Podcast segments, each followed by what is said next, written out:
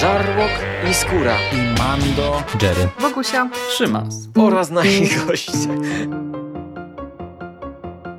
Konglomerat podcastowy. Wasze ulubione podcasty w jednym miejscu. Zapraszamy. Zapraszamy. Zapraszamy. zapraszamy. Zapraszamy.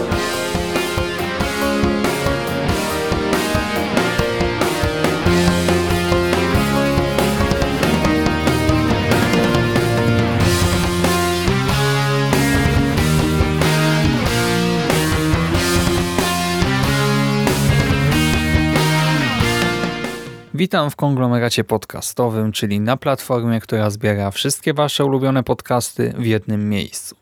Ja nazywam się Szymon Cieśliński. Możecie kojarzyć mnie jako Szymasa z bloga Necropolitan, a dziś chciałbym Wam opowiedzieć o filmie Shona Bakera, który swoją polską premierę miał 22 grudnia, a więc jeżeli zmontuję ten odcinek jeszcze dziś, a wszystko na to wskazuje, to 9 dni temu z mojej i z waszej perspektywy.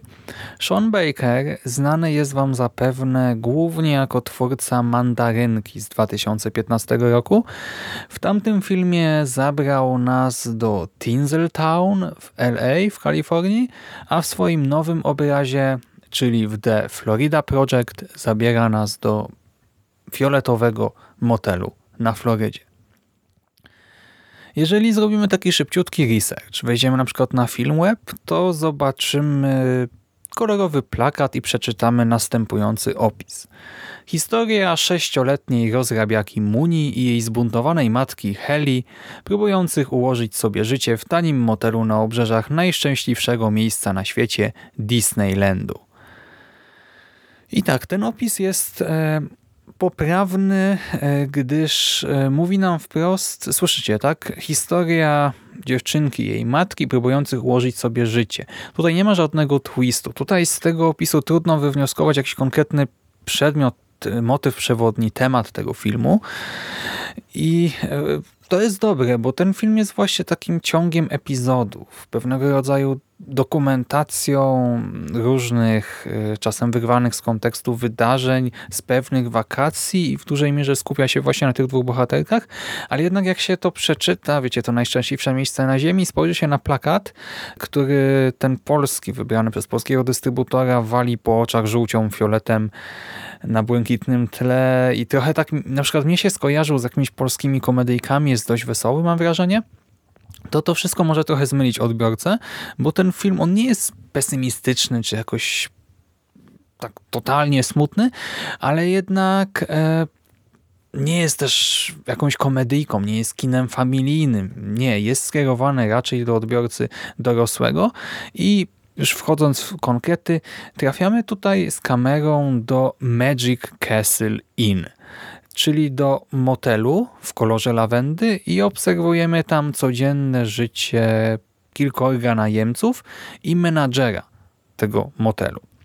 Między innymi tutaj chodzi właśnie o życie tej sześcioletniej Muni, jej matki i kilku dzieciaków z sąsiedztwa. Trwają wakacje. To jest też ciekawe, że my ten film oglądamy zimą. Teraz w grudniu już śnieg spadł, tak, i oglądamy film o wakacjach na Florydzie, ale z drugiej strony jest to ciekawe doświadczenie. Skoro by powiedział, że e, to trzeba poczekać do wakacji.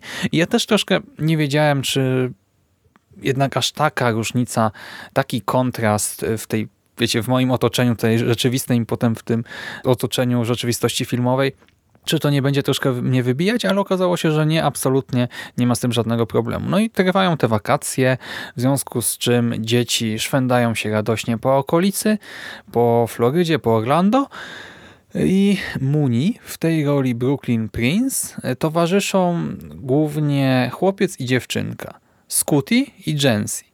W Scootiego wciela się Christopher Rivera, w dziewczynkę Valeria Cotto.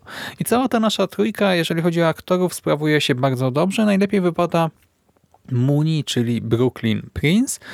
Tutaj nasza młoda aktorka miała większe pole do popisu przez wzgląd na swoją rolę, ale też widać, że jest strasznie charyzmatycznym dzieckiem, strasznie żywiołowym i wypada niezwykle autentycznie na ekranie, więc casting wypada dobrze, trzeba to podkreślić. Nasze dzieci czasem się nudzą, a czasem bawią doskonale. Raz są grzeczne, innym razem potrafią wywołać poważny pożar. Równolegle śledzimy losy Heli. W tej roli Bria Vinate, debiutująca bodajże aktorka. Tutaj się sprawdziła, chociaż e, ta rola była bardzo dobrana pod nią, przecież ona była dobrana bardzo pod tę rolę, więc trudno tutaj mówić o talencie, ale no tutaj się sprawdziła. Jest to samotna, bezrobotna matka, młoda matka, która tak naprawdę jeszcze nie do końca wyszła ze swojej nastoletności, można by powiedzieć. I po prostu kombinuje jak może, by zarobić na cotygodniowy czynsz. Co to oznacza?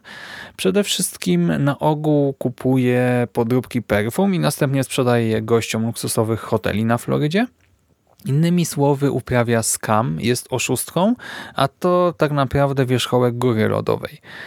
Trzecim aktorem dramatu, e, czy też piątym, jeżeli dzieci podzielimy na całą trójkę, jest grany przez Willema Defoe Bobby. Bobby to menadżer motelu, sympatyczny facet. Obserwujemy go też przy codziennych czynnościach, jak sprząta pokoje, dokonuje napraw, renowacji, użera się z najemcami, czy na przykład jak przepędza obleśnego mężczyznę, który kręci się wokół miejscowych dzieciaków i wygląda dosyć podejrzanie. Ktoś powie, no dobrze, ale w takim razie co w tym takiego intrygującego, wartościowego, ciekawego? To brzmi jak banał. Ktoś może tak powiedzieć i nawet będzie miał rację w dużej mierze, bo ten film e, pokazuje właśnie codzienne życie, nie? Ale jednak zgarnął 95% na Rotten Tomatoes, a wśród topowych krytyków 100% pozytywnych opinii i średnią 8,6 na 10. Dlaczego? Właśnie dlatego, że tutaj posłużę się metaforą, to są takie lody fikcyjne lody o smaku dokumentu. Do tego bardzo ładnie podane i całkiem smaczne. Ten film to nie jest kolejny przykład przygodowego kina familijnego, to powtórzę, a studium codziennego życia, smutków, radości.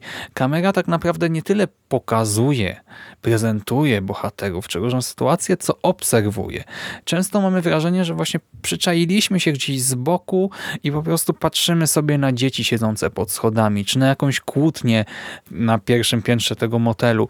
Wiecie, kamera jest obserwatorem głównie, i y, widzimy przez to oko, przez obiektyw niedojrzałą matkę, która traktuje dziecko jak młodszą siostrę, pozwala jej chodzić samopas, robić co chce. Sama nie do końca radzi sobie ze swoim życiem, udaje, że wszystko gra, ale tak naprawdę wcale tak nie jest. Dziewczyna, kobieta stacza się na dno i czuć, że kocha swoją córkę. Widzimy te naprawdę piękne, sympatyczne momenty, ale zarazem też wiemy, że jest beznadziejną matką. Momentami no naprawdę e, ciężko jej kibicować. Podobne skrajne emocje budzi w nas Muni. To żywiołowa, ciekawa świata, na ogół uśmiechnięta dziewczynka, która jednak przez brak rodzicielskiej opieki, kontroli pozwala sobie na zbyt wiele. Ma 6 lat, jej przyjaciele też są w podobnym wieku, a cała ekipa zachowuje się jak e, dzieciaki z South Parku. Do tego niszczą cudze mienie, nie szanują dorosłych, bywają wulgarni i wredni.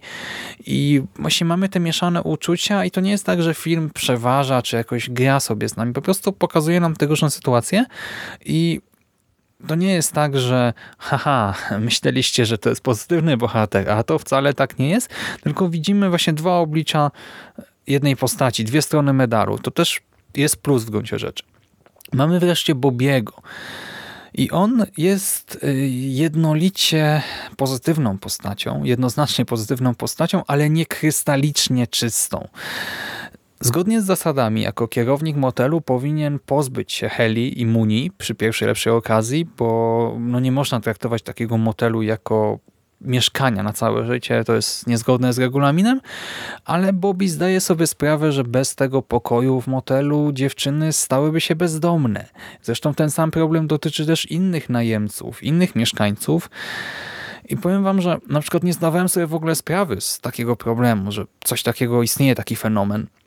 Dla mnie takie motele kojarzyły się po prostu ze scenografią z gier czy z filmów. Nie wiem, taki Left 4 Dead mi przychodził do głowy, czy jakieś GTA, a tu nagle ujrzałem realną sytuację, prawdziwy problem. Ludzie, którzy nie posiadają mieszkania lub z jakiegoś powodu chowają się przed światem, ukrywają się, znajdują w takim Magic Castle Inn drugi dom. Hmm, no też jakaś wartość edukacyjna dla mnie, ale wracając do Bobiego, to także hiperbola figury ojca. Złota rączka, facet o złotym sercu, czuły, spokojny, opanowany, ale zarazem wiemy, że potrafi być stanowczy, potrafi pokazać gdzie raki zimują komuś, kto zagraża osobom, za które Bobby czuje się odpowiedzialny, a nasz bohater jest odpowiedzialny za cały motel i za wszystkich jego mieszkańców. To jednak nie jest postać wyidealizowana. Tak? To nie jest ani anioł, ani badass, a po prostu mężczyzna, którego nie da się nie lubić. Zresztą Defo naprawdę idealnie się tutaj wpasował w tę postać i fajnie odgrywa tego ojca i dla Muni, i dla Hayley, i dla innych postaci. Ładnie to wszystko jest napisane i świetnie poprowadzone, przedstawione. I tak obserwujemy losy tej naszej grupy. Mija dzień za dniem, czasem ludzie się sprzeczają, czasem trzeba wezwać policję, innego dnia wybucha pożar, a kolejnego nie dzieje się nic szczególnego, przynajmniej tak na pierwszy rzut oka. I choć skupiamy się na piątce bohaterów, to obserwujemy życie całej wspólnoty, całej grupy najemców, widzimy szerszy kontekst i ten film zyskuje kolejny jeszcze poziom do analizy, do interpretacji, czy wyniesienia różnych informacji, jakiejś tam wiedzy. I abstrahując już od treści, trzeba też zaznaczyć, że jest bardzo ładny. Jest dobrze zrealizowany, ładnie nakręcony. Za kamerą stał Alexis Zeip i dzięki niemu ujrzymy innymi przepiękne, szerokie kadry. W ogóle szerokich kadrów tu jest bardzo dużo i pojawiają się też takie, gdzie w centrum znajduje się jakiś wygiba z jakiś dziwny budynek i dzieci przechodzą sobie od lewej do prawej, niczym w jakiejś starej grze platformowej pokroju Mario i chociaż brzmi to absurdalnie, na ekranie wygląda niesamowicie. I do tego, jako że jest to film w dużej mierze o dzieciństwie, to, no to jest jeszcze jedna wartość dodana. I tak, film o dzieciństwie, w którym jednak mieszają się perspektywa dziecka i dorosłego, który jest skierowany do dorosłych stricte. On ma chyba nawet kategorię wiekową R. Jest to produkcja poruszająca emocje, ale zarazem stroniąca od taniego sentymentalizmu, tak? nie uderzająca w te takie najbardziej oczywiste strony. Jest to też autopsja pewnego problemu, taka fikcyjna dokumentacja istoty Florydy, jej esencji. Chodzi mi o to, że film nam pokazuje mieszankę tej tandety i zarazem wspaniałości Florydy, tej magii, tego piękna tych okolic Disneylandu, Disney Worldu i zarazem przyziemnych trosk, takiego brudu codziennego życia, jakiejś biedy, oszustw. I to wszystko tak miesza i znowu, to nie jest tak, że coś przeważa. W ogóle tutaj nie ma scen, które jakoś się wybijają. Nie ma typowych plot pointów. To są epizody, jedynie finał się troszkę oczywiście wybija. I tak, na koniec dostajemy finał transcendentny, może można powiedzieć, taki, który można interpretować co najmniej dwojako, czy to jako rzeczywistą, ale i zarazem symboliczną ucieczkę od rzeczywistości, czy to jako coś bardziej magicznego, fantastycznego. Ja sam nie jestem w stanie tego ocenić i też nie będę tutaj niczego sugerował. Powiem wam tylko, że chce mi się płakać, gdy o nim myślę. Bo tak jak w tym filmie jest wiele pięknych, sympatycznych momentów, tak jednak ten finał, nawet gdy go odczytuję tak symbolicznie, magicznie, to jest dla mnie smutny. I chwyta za serducho. Tak, to był ładny film ze smutną końcówką i czy go polecam, jeżeli nie oczekujecie typowej, spójnej fabuły od A do Z ze wstępem, rozwinięciem, zakończeniem i jeżeli to, co opowiedziałem do tej pory was jakoś nie odstraszyło, to myślę, że warto zobaczyć ten film, bo naprawdę to jest ładne, troszkę inne, intrygujące kino. I chyba na tym zakończę. Dzięki serdeczne za uwagę. Trzymajcie się i do następnego razu. Cześć.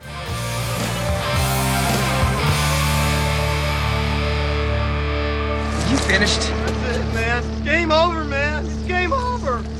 Over. are we gonna do now? What are we gonna do? It's over.